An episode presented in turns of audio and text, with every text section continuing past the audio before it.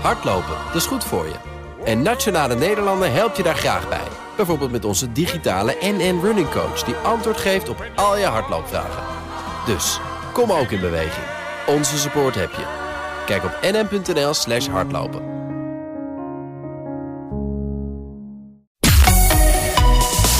BNR Nieuwsradio. De AEX-factor. Wesley Weerts.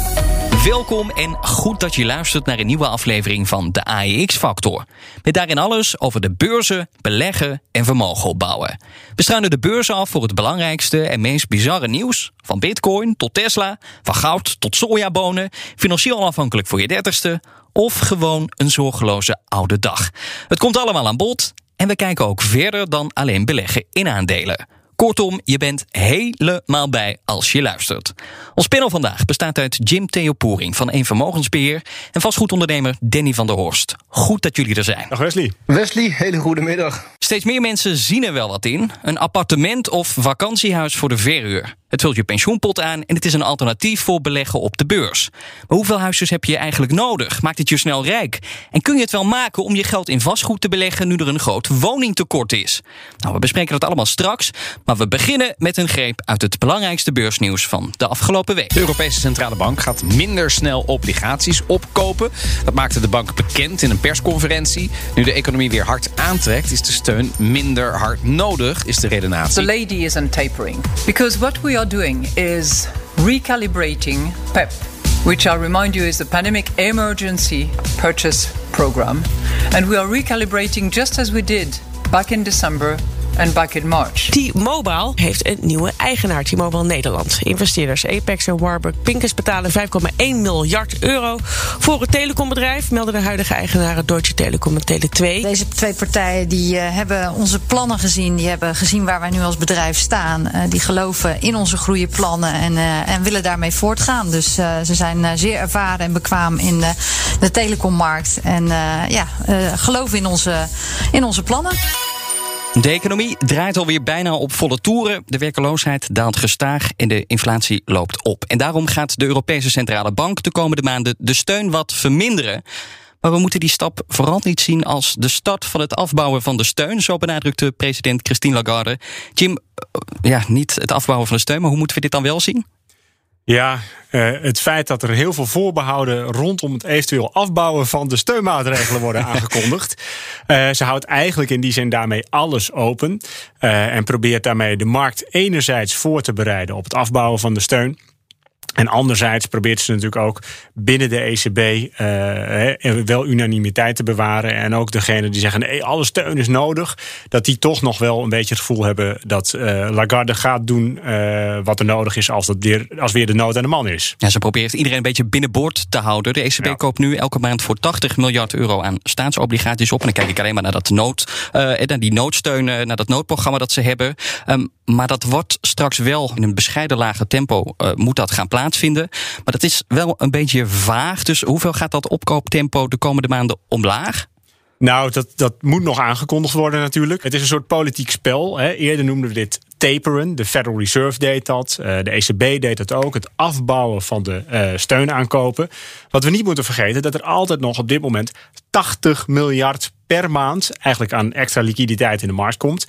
Eerder zag je dat het dan bijvoorbeeld met 20 of 15 miljard per maand werd afgebouwd, waarmee nog steeds heel veel geld in de markt wordt gepompt. Ja, en dan kan het rustig uh, nou ja, nog een half jaar duren voor het gaat gebeuren.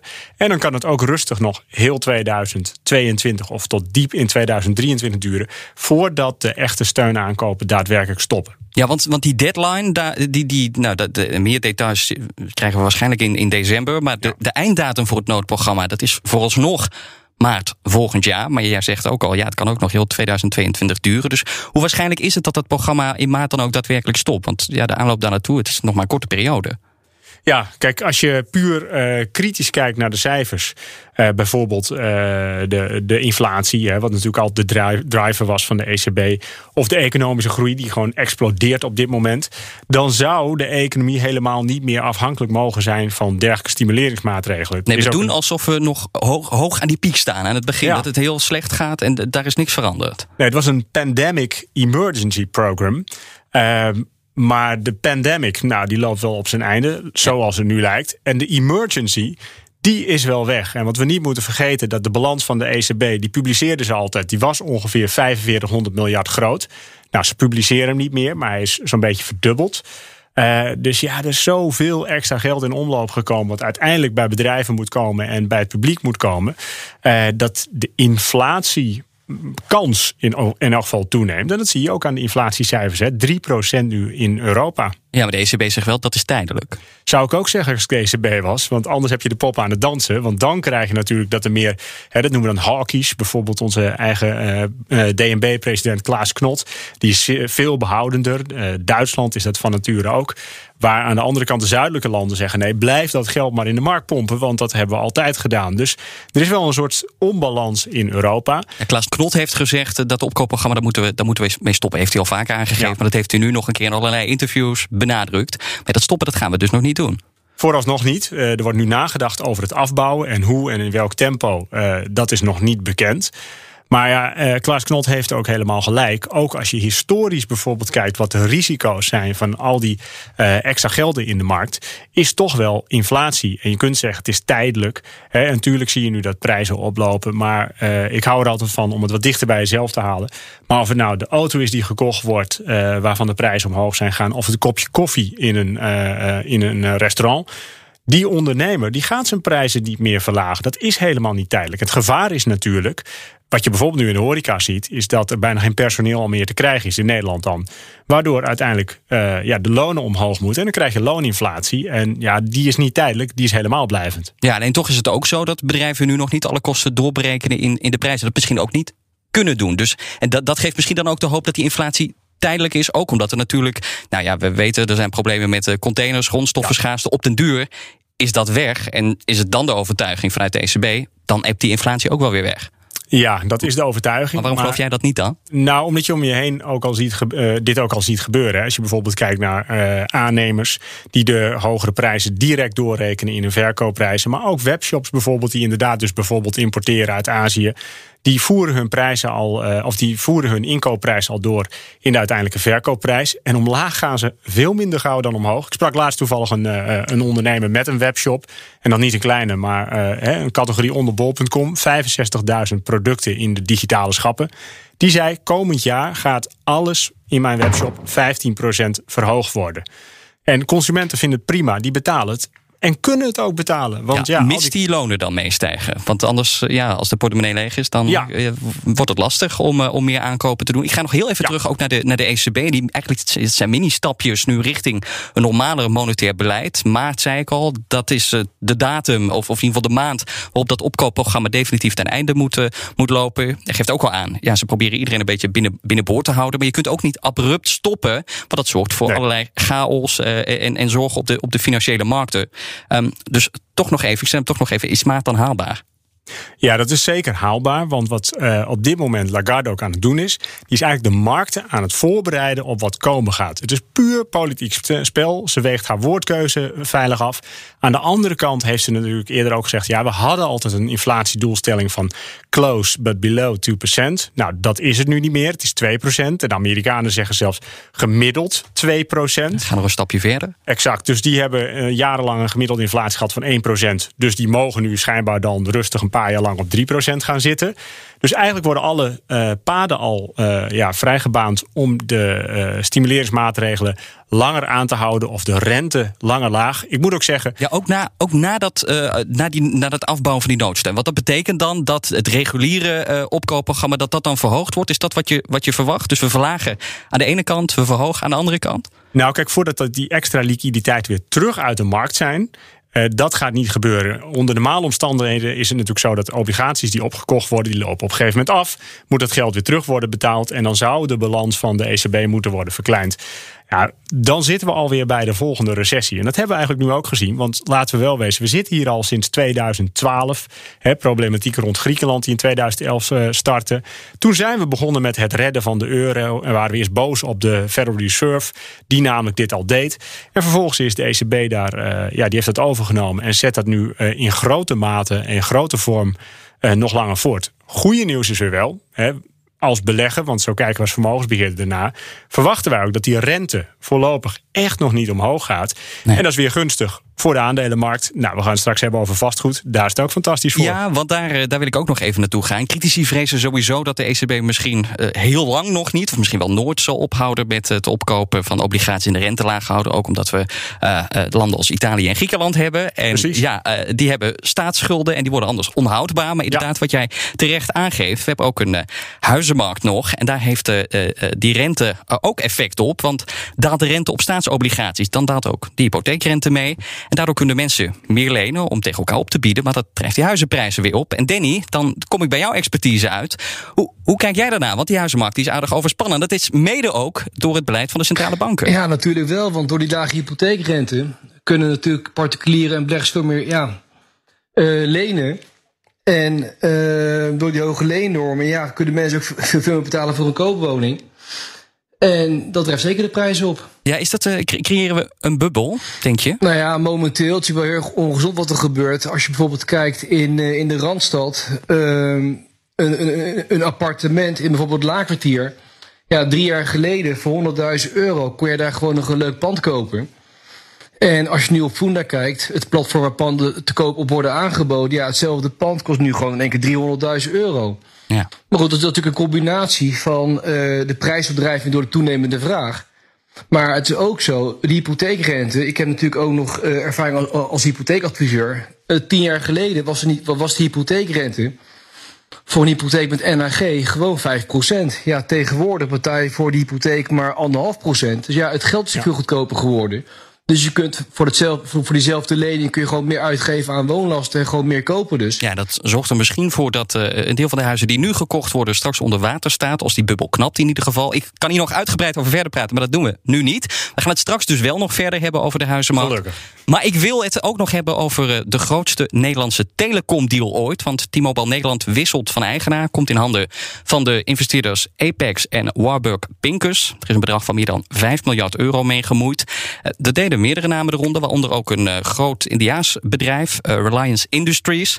Um, maar waarom vielen zij uiteindelijk af, Jim? En uh, gaan die andere twee investeerders er met de buit vandoor? Ja, waarom? Dan moet je natuurlijk uh, in die uh, onderhandelingen kunnen kijken. En wij waren er niet bij. Nee, jij was er niet bij. Nee, het meest aannemelijk is natuurlijk dat de verkoper, Deutsche Telekom, in dit geval verkoopt aan degene die de hoogste prijs biedt. Dus onder de beste condities, misschien minder financiering voorbehouden als ze wel dezelfde prijs hebben geboden.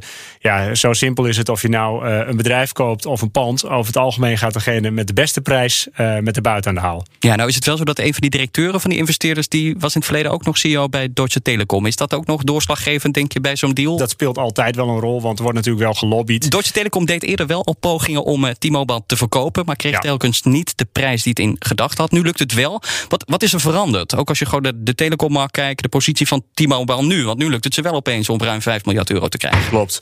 Ja, en dan pakken ze ook een mooie boekwinst mee natuurlijk. Hè, want eerder dachten ze aan 2 miljard. Ja, ja dus dit is een uh, fantastische deal. Maar eigenlijk wat je hier ziet, in private equity zie je dat veel meer, is hetzelfde als wat je ziet op de aandelenmarkt of in de huizenmarkt. Namelijk, vreemd vermogen is goedkoop. Het is zeer aannemelijk dat ze uh, in dit geval, uh, nou, laten we zeggen, van die 5 miljard, 3 miljard zelf financieren. Of misschien nog wel wat minder. En de rest aanvullen met vreemd vermogen, met een lening. Dus als jij tegen 5% moet lenen of tegen 2% kunt lenen, ja, dan kun je ook een hogere prijs betalen. In dit geval voor T-Mobile, net zoals uh, voor een, uh, nou, een pand in Den Haag. Ja, maar die hogere prijs die hadden ze een paar jaar geleden er niet voor over. Dus... Nee, want toen was de rente nog wat hoger. Ja. Uh, en ja, op dit moment He, eigenlijk het effect wat je hier ziet, is het, uh, ja, het gevolg van de acties ook van de ECB. Er is meer geld in omloop. Ja, en ik zeg altijd heel simpel: waar meer van is, wordt minder waard. Dus er is meer geld. Dus ja, dan kunnen mensen ook meer betalen voor hetzelfde. Ja. Uh, en dat gaat in dit geval ook op. Ja, en uh, 5 miljard. Ik denk dat Deutsche Telekom daar heel blij mee is. Want die hebben een schuldpositie, zeg ik even uit mijn hoofd, van 160, 170 miljard. Ja, die moet omlaag van pas. En, en ondertussen is die mobile natuurlijk ook gewoon als bedrijf getransformeerd. Een paar jaar geleden uh, daalde de winst nog. Ze hebben inmiddels ook een aardige positie in, ja. in Nederland. Um, maar waarom wil Deutsche Telekom er dan toch vanaf? Want je zou denken, nou, die investeerders zien er brood in. Uh, maar Deutsche Telekom die denkt, nou, ik kan er niet snel genoeg vanaf. Wa waarom? Nou, kijk, Nederland is in die zin voor Deutsche Telekom natuurlijk een, eh, een kleine markt. Hè. Uh, als ze even voor het uh, gemak 2 miljard omzet maken in Nederland. Ten opzichte van, nou, dus ongeveer 100 miljard omzet die Deutsche Telekom draait. Ja, dan is het eigenlijk bijspiel, zouden ze in Duitsland zeggen. ja, en, ja en, en, speelt het ook nog mee, want we hebben hier natuurlijk ook gewoon een aantal sterke spelers. KPN, ja. Vodafone Ziggo, zo heet het tegenwoordig. Daar lijkt me ook lastig mee te concurreren als uh, partij. Zeker op die, die vaste markt. Want volgens mij mobiel doen ze het wel goed. Klopt. Op die vaste markt met, met internet en televisie. Ja, die, daar weten ze maar niet die, die nummer 1 en 2 uh, voor te blijven. Nee, dat klopt. Want laten we wel wezen, als je naar T-Mobile kijkt, die hebben natuurlijk de merken Ben, Tele2, uh, dan nog eentje, uh, Sim, Bel Simpel, ja, geloof Bel Simpel, ik. geloof ik, ja. Um, ja, daar hebben ze uh, zo'n 7 miljoen abonnees. Dus ze zijn echt wel uh, marktleider in Nederland op het gebied van mobiele telefonie. Maar inderdaad, het gaat over die vaste internetlijn en uh, tv, ja, daar zijn ze echt nog heel klein. Dus daar valt wel uh, marktaandeel te winnen. Dat is denk ik ook wat die investeerders willen doen. Want hè, die kopen dit ook niet alleen omdat ze het bedrijfsmodel zo fantastisch vinden. Die zien hier gewoon geld in. Dus die gaan snijden in de kosten. En aan de andere kant, want het is een moeilijke markt, proberen de omzet nog verder te verhogen. Ja, met glasvezel of iets dergelijks. ja. ja. KPN probeert het ook al tijden. Ja, maar... want iedereen probeert dat. Dus dat lijkt Klopt. me dan alsnog een, een lastige markt. Maar zonder die hele bedrijfsstrategieën uit te pleizen... was er nog één ding uh, dat, dat opviel op de beurs. Want KPN-aandeelhouders die, die zijn niet heel erg onder de indruk van die overname. Sterker nog, ze reageerden best wel opgetogen ja. op het nieuws... dat rivaal T-Mobile in handen komt van die twee nieuwe investeerders. Want de beurskoers steeg met ruim 4% na die bekendmaking. Dan denk ik, er komt een... Ja, eigenlijk, er komen twee investeerders bij. Hele zak met geld daar hoor je misschien wel van achterover te, te, slaan als concurrent, maar toch reageren beleggers positief. Hoe kan dat? Ja, klopt. Uh, nou, als je het uh, bekijkt, uh, zijn deze investeerders zijn veel meer investeerders. En er was ook een Indiaanse partij die mogelijk wou kopen. En dat wordt gezien als een soort disruptor. Dus die gaat echt heel agressief met prijsverlagingen ja, werken. Onder de kostprijs in allerlei diensten aangeboden. Exact. En dan kon KPN daar niet mee concurreren. Ja, dat is één. En het andere punt is, als je kijkt naar uh, waarderingen. Uh, wat er nu betaald wordt voor T-Mobile is bijna negen keer het operationeel resultaat. Dus hè, dat is die 5,1 miljard.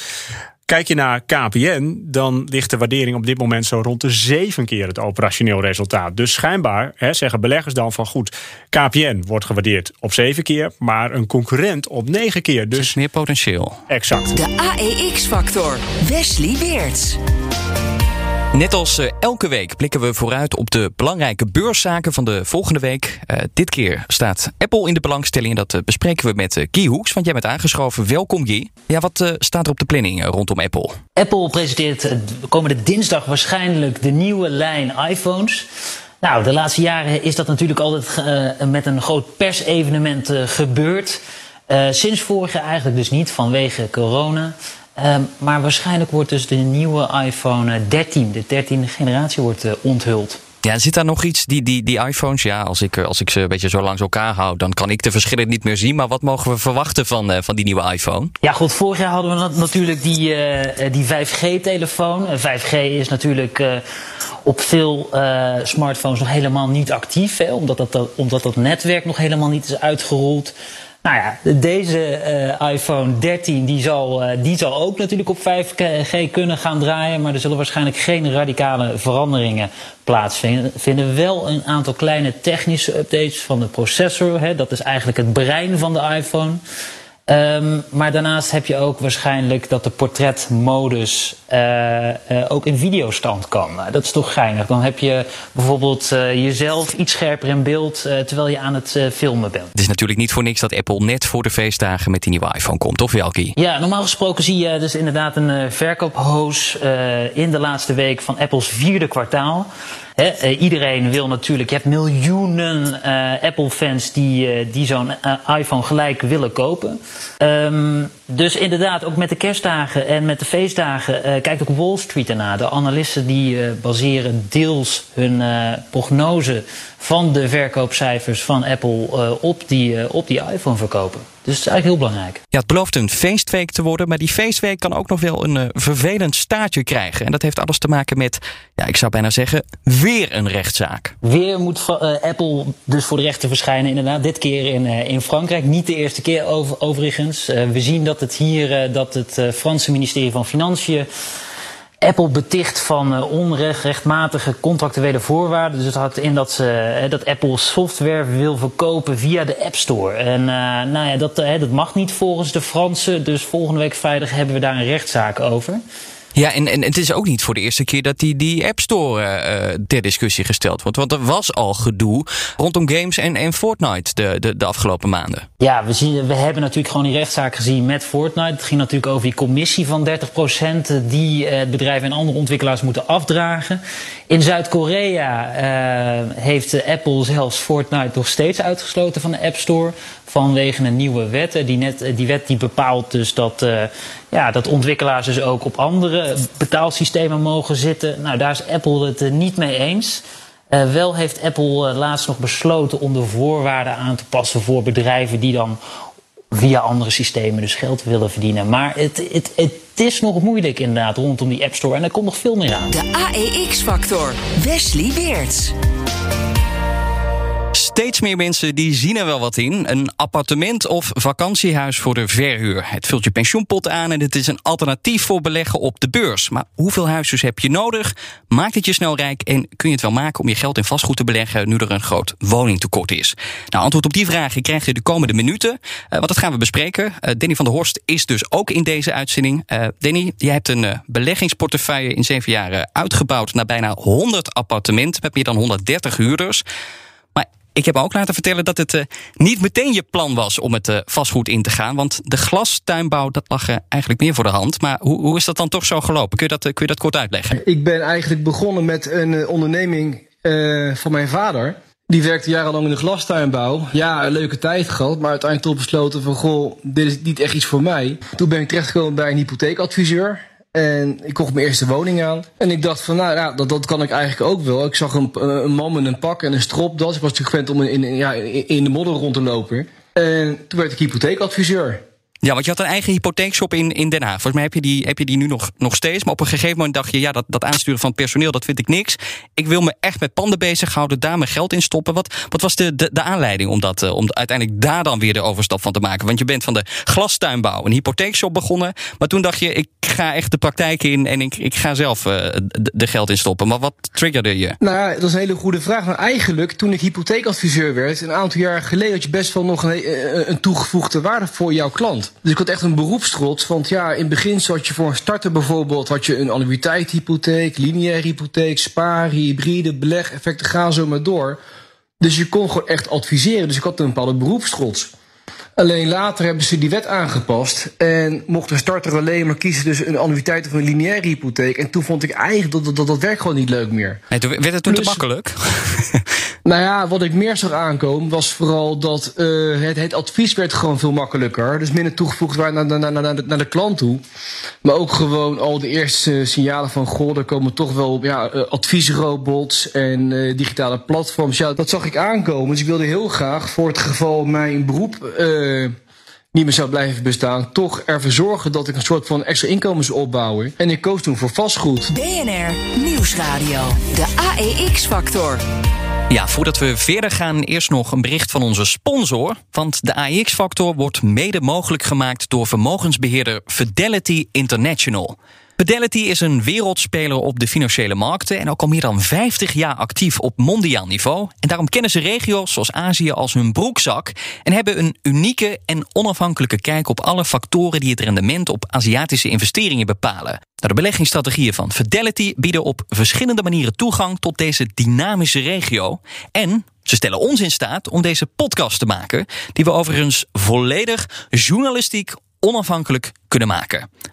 Nou, wij gaan verder waar we gebleven waren. Bij mij nog altijd Jim Theoporing van een vermogensbeheer en vastgoedondernemer Danny van der Horst. Danny, wij gaan uh, verder waar we gebleven waren. Want je gaf aan van, nou ja, ik, ik, ik, begon bij in die glastuinbouw, vervolgens die hypotheekshop. Dat werd allemaal geautomatiseerd. Ik zocht iets voor de toekomst, waar, dus, uh, waar mijn baan uh, niet onzeker is, waar ik, waar ik nodig ben. En vervolgens ging je beleggen in allerlei panden.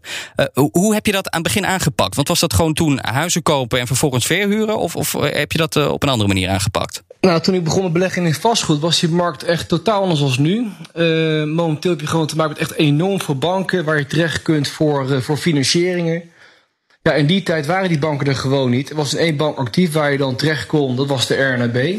Maar die hielp alleen maar klanten die al klant waren. Ja. Dus mijn eerste panden, die moest ik gewoon echt, ja, daar moest ik voor sparen. En eh, gewoon de koopsom betalen via de notaris. En zonder financiering kon ik eigenaar worden. En later, ja, toen gingen er weer een aantal banken open. En dan maakt u gebruik van je hefboomwerk. Dat je gewoon wat hypotheken afsluit, waarmee je weer kan doorgroeien natuurlijk. Ja, maar je hebt het aan het begin dus wel met eigen geld gedaan. Ja, ja, dus mijn eerste panden, die, eh, ik wilde wel bij bank financieren. Maar dat kon niet. Alleen eh, iedereen gebeld, maar niemand die wou toen de tijd mij een hypotheek geven daarvoor. Nee, en vervolgens, nou, een paar jaar later kon dat wel. Zo heb je snel uit kunnen breiden. Want ja, het is, het, je hebt er in vrij korte tijd he- heel veel panden. Ja, ik heb al moeite met één huis kopen, maar je hebt er inmiddels dus eh, bijna honderd. is dat dan ook mede te danken aan die banken die uiteindelijk wel welwillend willend waren toen je eenmaal een beetje kapitaal had opgebouwd en, en, en je wel financieringen verstrekte? Hoe, hoe heb je dat zo snel gedaan? Ja, ik moet even uitleggen. Kijk, er zijn natuurlijk me- meerdere manieren om te kunnen beleggen. Eh, heel veel mensen die denken natuurlijk in termen van... goh, ja, ik, ik, ik koop een eindbelegging. Dus je koopt één appartement en dan ga ik daar één huurder in stoppen. Eh, dat deed ik eerst ook. Alleen ik ben mezelf later meer gericht op het ontwikkelen van vastgoed. En ja, dan kocht ik bijvoorbeeld één groot mooi dubbel bovenhuis. En dat kon ik door opsplitsen in, in meerdere appartementsrechten. En op die manier ben ik toen gaan, gaan opschalen. Ja, maar eh, creëer je dan ook extra ruimte of verkamer je gewoon eh, bestaande panden en, maak je daar meerdere appartementen van? Uh, nou, eigenlijk, ik, uh, ik heb meerdere dingen gedaan. Bijvoorbeeld ook gewoon bedrijfspanden transformeren naar meerdere appartementen. Dus dan ga je echt gewoon van één object maak je dan meerdere losse appartementen. Wat ik ook vaak doe, is bijvoorbeeld dat ik een pand koop om daar een etage op te bouwen. Of meerdere etages. Dus ja, dan ga je echt gewoon waarde creëren door gewoon de opstal te vergroten. Dus dan koop ik in feite één pand aan. Maar ja, van het ene pand, daar maak ik dan bijvoorbeeld zes appartementen van. En, en zijn dat Dus, wel, zijn eh, dat niet, want we, we kennen natuurlijk verhalen van eh, allerlei vastgoedbeleggers die eh, panden opknippen met hele kleine kamertjes. Zi- zit ik ook in een klein kamertje van 15 vierkante meter als ik een pand bij jou huur? Of zijn dat wel grotere, echte huizen om, om, om in te wonen? Nee, nee, absoluut, absoluut niet. Nee, nee, kijk, op zich, ik ken die vader natuurlijk ook wel. En ik vind het erg jammer dat op zich die groep wel degelijk bestaat in, in, in het vastgoedwereldje. Want die geeft wel de, de, de serieuze belegger een hele slechte naam. Eh, beleggers die dat doen, die, die, die zijn er zeker. Alleen als ik eh, panden ontwikkel. Ik conformeer mezelf natuurlijk aan eh, het beleid van de gemeente. Ik vraag een vergunning aan om dat allemaal te mogen doen. Daar zijn bepaalde eisen ook gewoon voor. Bepaalde minimale vierkante meter eisen. Dus ik, mijn portefeuille, dat zijn gewoon mooie appartementen van rond de 45 meter per stuk ongeveer. Als ik heb ontwikkeld. Dus wat dat betreft, 15 meter, dat eh is in mijn wel portefeuille boven. niet van toepassing. Nee, Nee, en hoe, absoluut hoe, niet. hoe, hoe kom je aan die huizen? Zit je de hele dag op funda, eh, eh, zit je funda af te struinen? Of, of kom je op een andere manier aan die appartementen? Zijn het pandeigenaren die je heb je sturen van... Hey, ik heb nog wat moois in de aanbieding, kom eens kijken of wil je het hebben? Nou, dat is heel divers. Kijk, vroeger kon je wel gewoon pannen kopen via Funda. Alleen, ja, dat gaat in theorie nog steeds wel. Maar er is natuurlijk zo een, een, een enorme vraag naar die pan. Dat ja, via Funda is het echt enorm lastig om nog aan een mooi pand te kunnen komen. Maar goed, in de loop der jaren, bouwt natuurlijk een netwerk op. Dus ik ken heel veel makelaars en natuurlijk heel veel mensen ook gewoon die mij weten te vinden als ze een pand willen gaan verkopen. Dus ik krijg wel een hoop informatie uit de markt van mensen die graag eh, ja, van een vastgoed af willen. En ik probeer dat vaak gewoon met, die groep tot een overeenkomst, met die groep een overeenkomst te sluiten. Ehm, nou is het zo dat het lang niet alleen maar grote jongens zijn... die eh, een slag proberen te slaan op de huizenmarkt. Ook veel particulieren hopen zo een extra zakcentje te verdienen. Ehm, waarom denk je dat, dat investeren in vastgoed zo, zo populair is? En heb ik het ook gewoon over een, een, een vakantiehuisje... dat je bijvoorbeeld eh, eh, erbij pakt. Omdat je hoopt dat je dat nou, in het hoogseizoen nog kunt verhuren. Waar- waarom is dat zo in trek? Nou, de laatste, nou de, de, de laatste jaren, wat ik wel een beetje merk, is gewoon een soort van hype ontstaan. Dat iedereen me heel graag eh, dat vastgoed in wil gaan. Er zijn heel veel ook van, van, van die cursussen online die je kunt kopen, of eh, Facebookgroepen. En eh, mensen maken het ook wel een beetje gek, denk ik zelf. Termen als financiële vrijheid en passief inkomen en ga zo. Iedereen wil natuurlijk nou wat, wat, wat van die taart mee eten. En dat begrijp ik ook wel. Alleen, ja, die groep is nou zo erg enorm oververtegenwoordigd. En eh, het is een beetje een hype. Ja, Wat Jim, jij een staat beetje... hier mee te knikken. Je bent het eh, er wel mee eens. Het, wordt een beetje Ja. gehyped. Ik ben heel blij dat Danny dat ook zegt. Eh, want eh, je noemt al financiële vrijheid. En er wordt er gepropageerd dat je dan niet meer hoeft te werken. Maar eh, nou, ik, ik hoef het antwoord niet te vragen. Maar ik vraag, stel de vraag toch. Hoeveel uur in de week werk jij voor die 95 panden om eh, de huur te innen, de panden zeg maar in eh, goede staat te houden, alle eh, zaken daaromheen te managen? Nou ja, dat, doe ik zelf eh, niet, want ik heb een vastgoedbeheerbedrijf ingeschakeld die dat normaal gesproken voor mij zou moeten doen. Maar goed, daarnaast heb ik gewoon heel veel werk nog wel aan het beheer, uiteraard. Het kleine onderhoud. eh, mensen ook af en toe die, die, die betalen de huur uiteraard niet. Eh, huurcommissiezaken, ga zo maar door. Dus wat ik wel gewoon eh, opmerk, vastgoed. Dat, dat, ik vind het een prima manier om het op te kunnen bouwen. Maar er wordt heel veel roze geur en maneschijn gepresenteerd. En de keerzijde van de medaille, daar wordt echt totaal aan voorbij gegaan. Want ja, er gaan ook wel degelijk dingen fout uiteraard. En wat ik vooral heel erg vind, is dat. eh, ja, dan komen er bijvoorbeeld op. Hè, dan heb je, heb je zo'n eh, zo, zo'n mentor. En dan krijg je een advies van je moet goed je huurders screenen. En eh, laat maar een expert aanhuren, want die hebben dat van de huurcommissie nooit gehoord. Ja, dat zijn toch, toch dingen. Dan ga je toch een bepaalde huurwaarde berekenen. Die gewoon niet reëel is. Ja, Want dan als ga je zo'n- hogere huren vragen dan je eigenlijk zou moeten. Er zit een expert in die weet eigenlijk eh, helemaal niet hoe dat hier wet en geef- eh, regelgeving is. Die betaalt dan een veel te hoge prijs. Exact. En dan heb je dus echt betaald voor een cursus. En dan krijg je zo een advies. En natuurlijk als belegger, als ik natuurlijk een pand ga, ga kopen. Dan ga ik uit van een, eh, een huur die ik mag vragen. Ja. En af en toe zie ik ook wel eens eh, op een crowdfunding zie ik gewoon een dossier voorbij komen. Dat iemand eh, een pand koopt. En die gaat dan daarna een financieringslast aan. Die gewoon hoger is dan wat hij normaal gesproken aan huurpenningen binnenkrijgt. Nog even los van kosten als VVJ, eh, exploitatiekosten, klein onderhoud. Dus mensen die gaan gewoon een financiering aan die normaal gesproken niet, niet kan worden betaald. Nee, maar dan heb je ook geen rendement op je, op je investering. Nou, in dit geval wel, want dan vinden ze toch een expert die veel te veel gaat betalen. Maar als de man toch een keer naar de huurcommissie zou gaan, dan stuit hij gewoon met je pand onder water. Ja, als je het op een eerlijke manier doet. Als je, Danny, naar je eigen portefeuille kijkt. Wat is ongeveer het rendement dat je pakt op die, eh, op die, op die huizen, die appartementen? Ehm, ik vind die vraag lastig te beantwoorden. Want kijk, eh, wat ik al tegen jou zei net, ik investeer meer in ontwikkelingen. Dus ik creëer in mijn panden heel veel waarde door die verbouwingen die ik uitvoer. Dus ik vraag dan bijvoorbeeld een vergunning aan om te kunnen transformeren of een opbouw.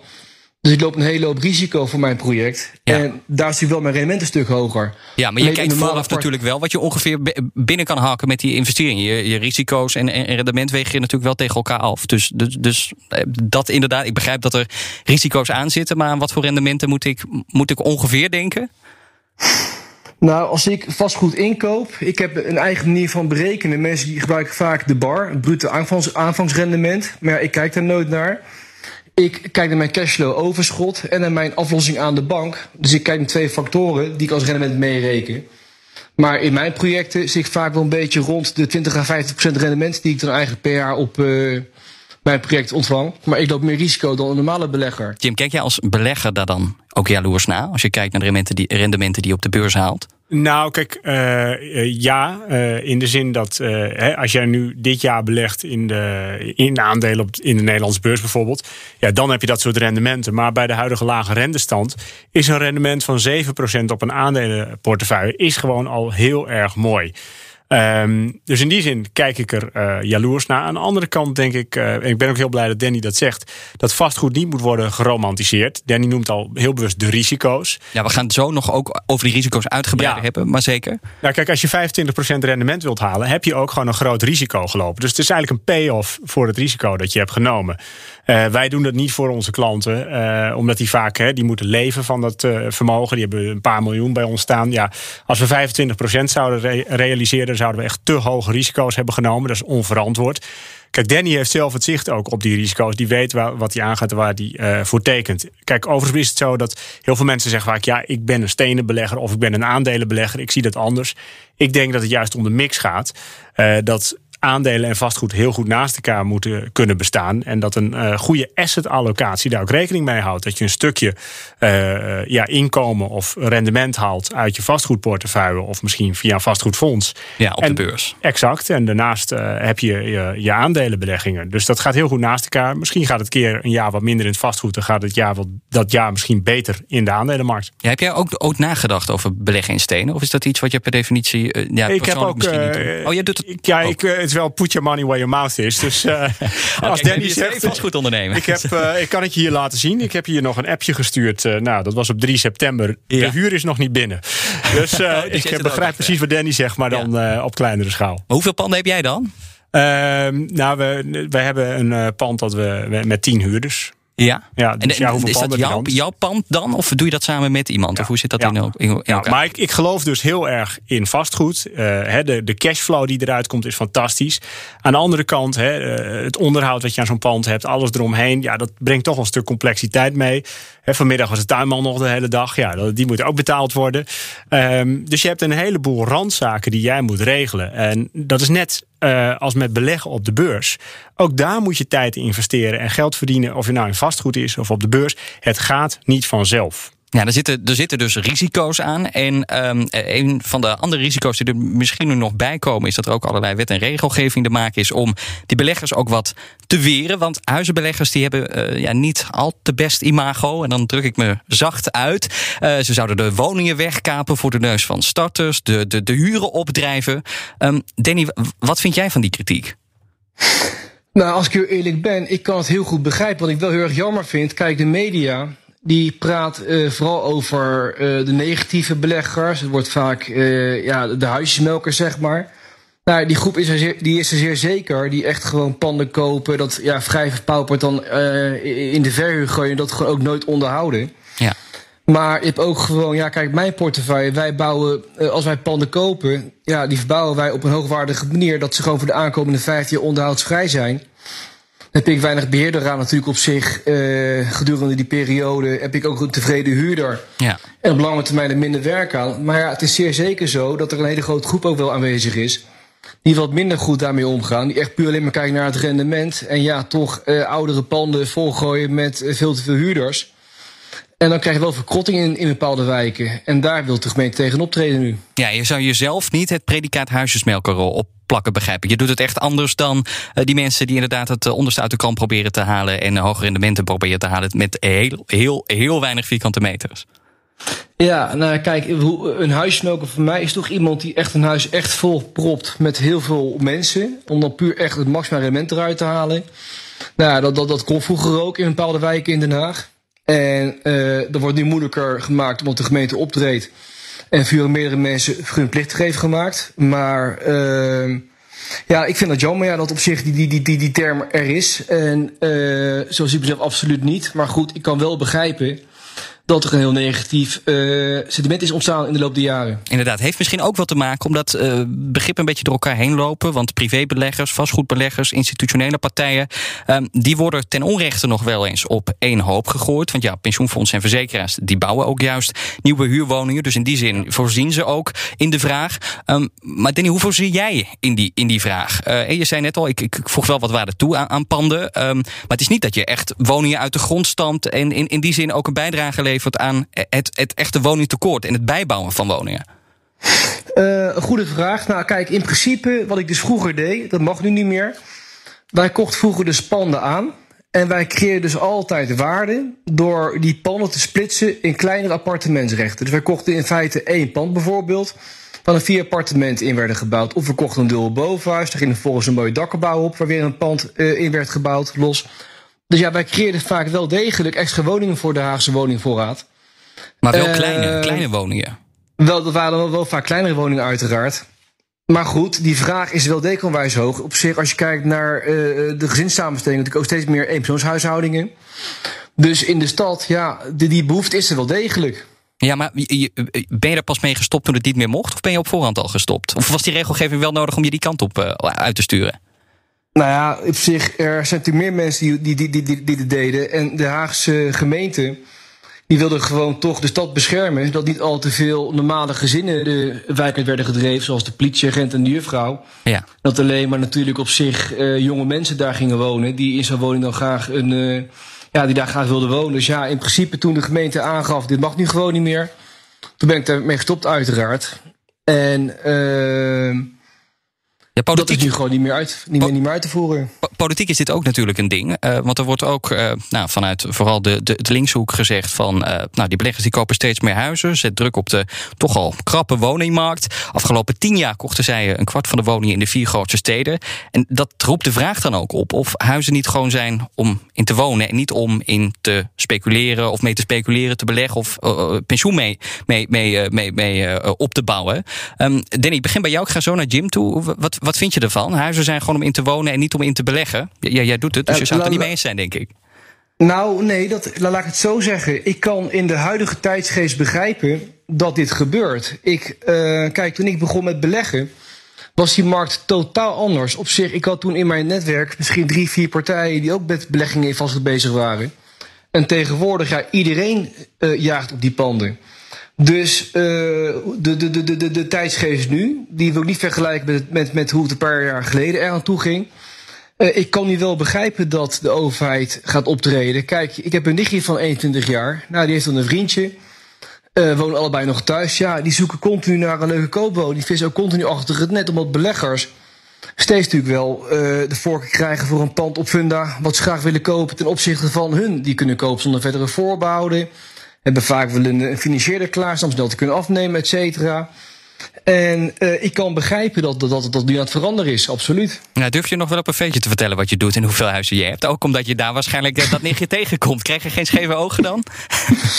ja, nou ja, goed, mensen die weten dat natuurlijk wel. Kijk, het is vaak toch een beetje een mix van... soms krijg je bewondering en soms krijg je afkeuring. Het hangt een beetje vanaf waar je ook terechtkomt. Maar... Uh, het is natuurlijk een beladen onderwerp. En ik, ik, ik, ik kan het begrijpen, absoluut. Ja, Jim, uh, huizen voor in te wonen, niet om in te investeren?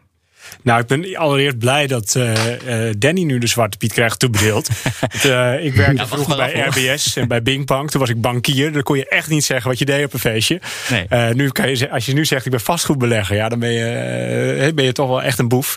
Ehm, kijk, ik vind dat altijd een beetje makkelijk. Hè? Wijzen naar uh, degene die het in hun optiek dan goed heeft. Aan de andere kant, uh, juist doordat er ook beleggers zijn die die woningen opknappen, worden er ook weer goede woningen in de verhuur aangeboden. Je ziet nu ook zelfs de huurprijzen bijvoorbeeld in de randstand weer wat dalen. Hij heeft ook te maken met de expats die, uh, ja, die zijn vertrokken. Zijn, die vertrokken zijn. Ja, ja. Um, maar dat is een beetje, dat was in de middeleeuwen al zo. Toen werd de, de landlord, die werd ook al voor afschuwd waar de belasting aan moest worden betaald tien jaar geleden, toen wou niemand een huis kopen. Er zijn alle ontwikkelingen uh, stopgezet omdat er geen vraag was naar nieuwe woningen. Het is natuurlijk ook een conjunctuurskwestie. En nu hebben we hoogconjunctuur en krapte. Nou, er wordt straks weer heel veel bijgebouwd. Ja, je krijgt straks ook weer de keerzijde dat uh, ja, de huizenmarkt wat minder populair is. En daar zul je ook een daling zien. Iedereen die nu huizen koopt, ja, of beleg, als belegging, die denkt niet meer na over het feit dat huizenprijzen ook kunnen dalen. Um, ja, dat de rente omhoog kan gaan? Ja, het alleen maar omhoog kan gaan. Terwijl hè, als jij 100% een pand gaat financieren, of 80 of 90%, en je krijgt een keer een mindere periode en geen huurpenningen, ja, dan zit je echt in de problemen. Dus dat gaan we ook wel weer zien. Dat al die enthousiaste beleggers in vastgoed, eh, omdat ze nog eh, een hoge lening kunnen krijgen en een paar euro over hebben en hebben verder, ja, dat die uiteindelijk toch ook uh, in de penarie komen. Ja, en, dan ja, en dat zie ik echt nu aankomen momenteel. Als ik even onderbreek, ja, kijk, wat ik, gewoon, wat, ik, wat ik gewoon merk in de huidige markt. En dan vooral bij de onervaren jonge beleggers. In die hele vastgoedhype. Weet je, mensen die investeren heel veel geld in cursussen. En denken allemaal van, goh, we hebben het Walhalla hebben we gevonden. Ja. Maar het is wel zo dat uh, als je nu kijkt wat beleggers betalen voor zo'n woning. En hoeveel banken nu willen financieren. Uh, als zo'n correctie aankomt. Kijk, bijvoorbeeld in Den Haag. Er wordt nog steeds een flinke prijs gevraagd aan een huurder voor zo'n pand. Maar de overheid gaat ook nu maatregelen nemen om te gaan reguleren. Een verhuurdersvergunning. Het zou mij niks verbazen dat vroeg of laat er gewoon een soort van vergunningplicht komt. Dat je gewoon moet gaan verhuren conform de punten. Ja. Ja, dan ja, dat is wat, wat GroenLinks en PvdA willen. Hè? De vrije huursector ja. verder aan banden leggen. Puntensysteem zoals in de sociale, huur, sociale huursector inderdaad. Die ja, kant zou het op kunnen gaan dat wordt nu amper gecontroleerd. Kijk, nu moet een huurder echt zelf naar een huurcommissie gaan om dan uh, bezwaar te maken tegen de overeengekomen huurprijs. Ja, dat gebeurt niet heel vaak gelukkig. Maar althans gelukkig voor mij natuurlijk. Maar goed, dat gebeurt nu wat minder. Maar het zou best wel kunnen gebeuren vroeg of laat. Ik bedoel, ook technologie, hè, we worden continu handiger. Dat je als belegger gewoon minder meer verplicht wordt om te gaan verhuren. Conform de punten. Nou dan heb je nu dus al die, al die adviezen van, goh, zoek een expat en ga maar lekker duur verhuren. Ja, als daar, daar wat meer toezicht op komt, heb jij daar gewoon een hele dure hypotheek afgesloten. In een hele hoge loan to value. Dan gaat de huur in één keer fors omlaag. En dan heb je gewoon een belegging die of niet rendeert. Of misschien net elke maand break-even is. Ja, en dan heb je heel te maken met je onderhoudskosten en je mutatiekosten en gaan ze maar door. En dan zullen waarschijnlijk ook daar weer, weer, weer de prijs omlaag gaan. Want dan wordt beleggen een stuk minder populair. Ja, nou, is wat ik vermoed. Nou werkte hij eerst bij de hypotheekshop. Daar zag je al uh, het uh, toekomstige videomodel uh, instorten. En nu, nu, nu begeef je op die huizenmarkt. komen er allerlei partijen met allerlei extra regels. Nu komt je verdienmodel opnieuw onder, onder druk te staan. Dus hoe, lastig is het nu nog om, om een huis op de kop te tikken in Nederland? Nou ja, ook weer een hele goede opmerking. Kijk, je moet het zo zien. Het zijn vooral de wat kleinere beleggers momenteel die gewoon veel te duur inkopen, is wat ik dan eigenlijk vind. Maar ja, die financieren ook vrij duur. Kijk, ik ben dan een wat grotere partij. Ik heb dan gewoon een. Uh, met banken kan ik andere afspraken maken door mijn grote volume. Dus ik financier tegen een vrij goedkope rente. Maar ik heb ook een loan to value die gewoon veilig is. Als je kijkt naar mijn overwaarde, dus op zich de, de verhouding schuld en waarde van je vastgoed heb ik een vrij bestendige portefeuille die wel, tegen, die wel gewoon tegen een, eh, een deukje kan.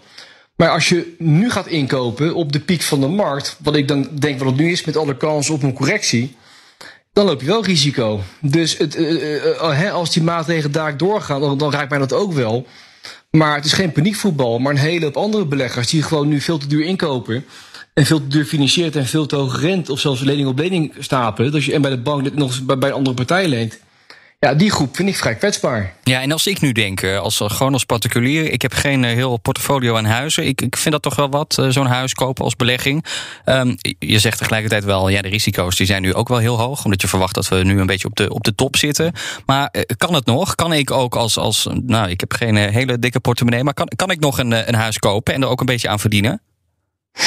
Dat denk ik wel. Alleen je moet je goed oriënteren op de markt en waar je wilt inkopen. En niet rijk rekenen met de markthuur. Dat jij denkt van, goh, ik vind wel een expert die 12 euro in de maand gaat betalen. Terwijl ik eigenlijk maar 700 euro mag vragen conform de punten. Dus ga daaruit gewoon van een goed scenario. Uh, schakel een goede adviseur in, die dat allemaal kan begeleiden. En uh, goed zoeken natuurlijk naar een mooie belegging die bij jou past. Ja, waar moet ik naar op zoek gaan dan?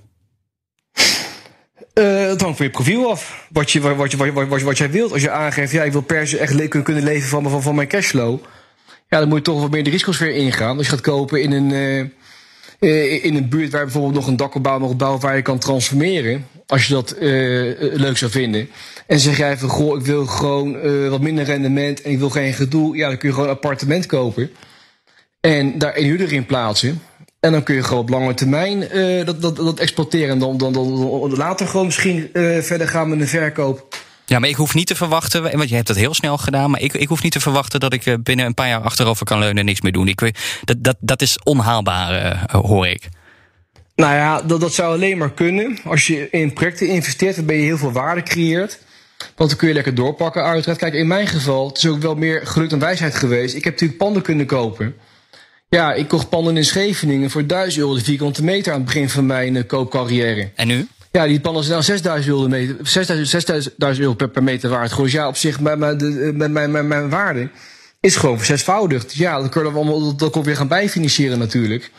En kon ik gaan doorkopen. Alleen ja, als je nu een pand koopt uh, voor, voor 6000 euro de meter, hoe groot is de kans dat het pand over zes jaar ook weer zo'n waarde is voor zesvoudig? Dat, dat, dat kan bijna niet.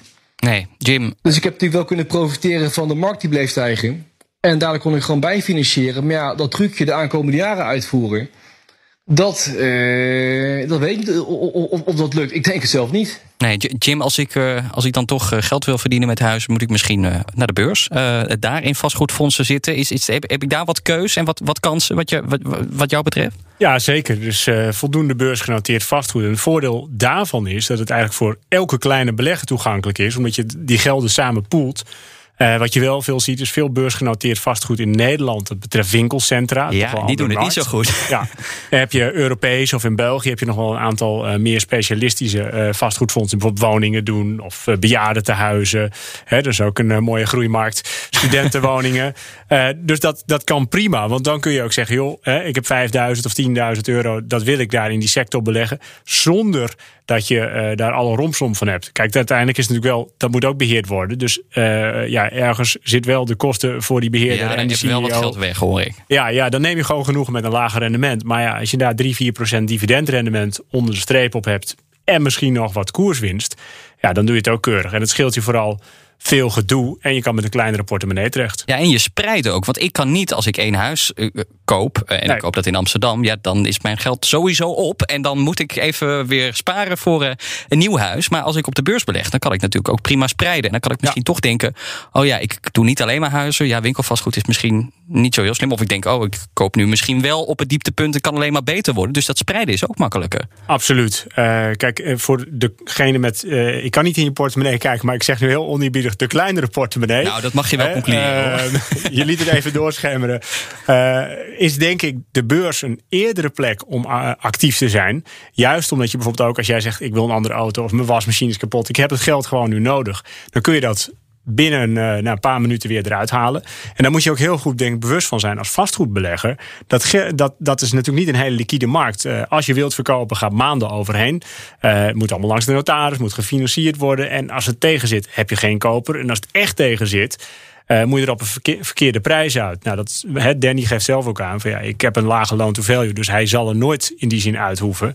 Uh, maar ja, uh, als je het hebt over liquiditeit, die is natuurlijk op de beurs stuk hoger. En pas bij echt grotere vermogens, denk ik, maar dat is mijn visie, zou je dan je moeten gaan begeven op het pad van appartementen. Want ja, één appartementje, dat is leuk. Dat is leuk voor erbij, maar dat is geen constante inkomstenstroom. Nee, dat is echt ook leuk voor het verjaardagsfeestje. Dan kan je zeggen dat je ja. vastgoedbelegger bent. Nou ja, dat kun je dan wel zeggen. En dan hoef je geen gegeven ogen te verwachten van mensen die zeggen... nou, je bent vastgoedbelegger, ja. hoeveel geld verdien je daar niet mee? Ja. Nee, nee, inderdaad. Dus de, de beurs zou, zou een zijn. Maar nou zien we die huizenprijzen door het, door het dak gaan. gaan. Danny zei net al, ja, die vierkante meterprijzen... nou, dat, een paar jaar geleden 1000 euro. dat is nu verzesvoudigd. Um, maar op de beurs, als we kijken naar die vastgoedfondsen, um, zijn die net zo hard meegestegen als die huizenprijzen? Of is dat niet het geval? Nou, vastgoedfondsen, met name op de Nederlandse beurs, hebben het heel slecht gedaan. Uh, maar dat komt dus met name omdat er veel uh, uh, ja, winkelcentra beleggers, kantoren beleggers. Ja. Hè, en wat weinig residential is, dus echt retail en, en offices. Heb je dan nog alsnog wel keuze? Want eerst als we het dan hebt, hebben over spreiden en, en diverse fondsen. Ja, Energie, Wereldhaven, Unibel, Rodamco heb je. Dat is de Nederlandse markt. Maar daarom zei ik ook al, hè, je kunt natuurlijk ook een Europese vastgoed ETF kopen, tracken. Dan volg je de markt.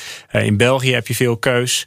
Uh, dus ja, de, de keuze is uh, zeker niet reuze, uh, beperkt, maar het is zeker een mogelijkheid. Ja, nou kijken we vooruit, maar ik wil tot slot nog even terugkijken. Um, als je tien jaar geleden een, een, ton had belegd, had je dat dan beter in een mandje aandelen, en dan los van die vastgoedaandelen, maar gewoon een algemeen mandje aandelen, of in stenen kunnen doen. Uh, Danny, ik begin bij jou, want ik zie Jim nog een beetje lastig kijken, dus laat ik even nadenken. Danny, wat denk jij? Wat had je beter kunnen doen? Nou, ik denk dat je beter bitcoins had kunnen kopen. ja, maar dan weet je ook niet of je je geld morgen nog hebt. Tien jaar geleden, toen was hij er geleden, Nee, dat was hij er niet eens. Nee. Maar ja, goed, dan had je er tien jaar geleden nog niet over na hoeven denken. Je hebt er nog een paar liggen, toch, ja. Danny? Ja.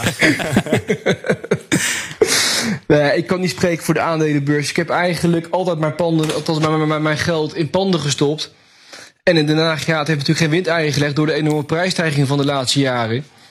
Ik denk, uh, ik ben heel erg tevreden over mijn, over mijn waardeaangroei natuurlijk. En ik, heb, ik kan het niet vergelijken met wat ik op de beurs had kunnen bereiken. Nee, Jim, jij kan het misschien wel iets meer vergelijken. Wat was een betere investering geweest? Een ton beleggen in een mandje aandelen of een ton beleggen in stenen? Nou, kijk, zou je belegd hebben in aandelen de afgelopen 10 jaar, dan heb je nou ja, 150% rendement of zo. Hey, ik zeg dit even uh, voor de vuist weg. Uh, bij vastgoed, uh, ja, kijk je naar de prijsstijgingen, dan zul je in sommige plekken, sommige wijken, sommige steden dat ook wel gehad hebben. Waar vaak alleen wel aan voorbij wordt gegaan. Hey, ik heb het over, bij aandelen over koersrendement en dividendrendement. Dus het zou in ieder geval vastgoed zijn de prijsstijging plus de huurinkomsten. Uh, maar ja, uiteindelijk, zeker in het vastgoed, is de kwaliteit van de belegger en de panden natuurlijk heel uh, relevant. Want ja, heb je die woning gekocht in Noord-Groningen of ergens in de Randstad, ja. het gaat toch het verschil maken. En, maar jij geeft dus aan, als jij een ton had belegd in aandelen, tien jaar geleden, dat je nou een rendement gaf van 150 procent. Ja, dat is op zich je koersrendement, maar ook gewoon je dividendrendement. Ja, dus ik doe dit nu even voor de vuist weg. Ervan uitgaan dat de beurs toen nou, iets minder dan de helft lager stond. En een stukje dividendrendement erop. Dus ja, daar moet je wel uh, van uitgaan. Nou lijkt het of ik voor de aandelen ben en niet voor het vastgoed. Maar ik ben voor beide. Je moet je geld laten werken. Uh, bij vastgoed, waar veel mensen aan voorbij gaan, zijn natuurlijk wel de kosten ja, die ze hebben. Alle belastingen, et cetera. De onderhoudskosten, een huurder die niet betaalt, leegstandrisico. Uh, Absoluut. Ja, en he, zou je dat erbij nemen? Kijk, als je puur historisch kijkt, doen aandelen het iets beter dan vastgoed. Maar nu komt hij. Als je kijkt naar de schommelingen in de prijzen, die zijn op de aandelenbeurs ook veel groter dan in de huizenmarkt. Dus vanuit dat perspectief, hè, je wordt betaald voor het risico dat je neemt. Uh, laten we wel wezen, vorig jaar corona, uh, maart, 2000, maart 2020, de aandelenbeurs die ging gewoon in één keer met nou, zo'n 40% onderuit. Huizenprijzen gingen dat niet. Maar misschien de komende tijd, want dan komen we uh, nog bij die, bij, die, bij die risico's. We hebben een aantal al genoemd. Nou, misschien gaat die rente straks wel stijgen. Misschien duikt die hele uh, huizenmarkt wel uh, in, op, in elkaar. Er zijn allerlei wet en regelgevingen in de maak. misschien is er een huurder die even weigert te betalen. Heb ik, heb ik dan de belangrijkste risico's genoemd, Danny? Of vergeet ik een belangrijk als afsluiter? Nee, ik denk dat, dat de meest belangrijke risico's inderdaad zijn. Nou, dan uh, dank ik jullie. Is het hiermee het gesprek ten einde. Dankjewel Jim Theo Poering van Eenvermogensbeheer en vastgoedondernemer Danny van der Horst. Daarmee zijn we aan het einde gekomen van deze uitzending. Ik hoop dat je volgende week vrijdag om 7 uur weer luistert naar een nieuwe aflevering op de radio of natuurlijk gewoon via je favoriete podcast app. En heb je voor ons nou een gouden beleggingstip of heb je een vraag voor ons panel? Vertel het ons door een mailtje te sturen naar aexfactor@bnr.nl. Tot volgende week. Hardlopen, dat is goed voor je. En Nationale Nederlanden helpt je daar graag bij. Bijvoorbeeld met onze digitale NN Running Coach... die antwoord geeft op al je hardloopvragen. Dus, kom ook in beweging. Onze support heb je. Kijk op nn.nl slash hardlopen.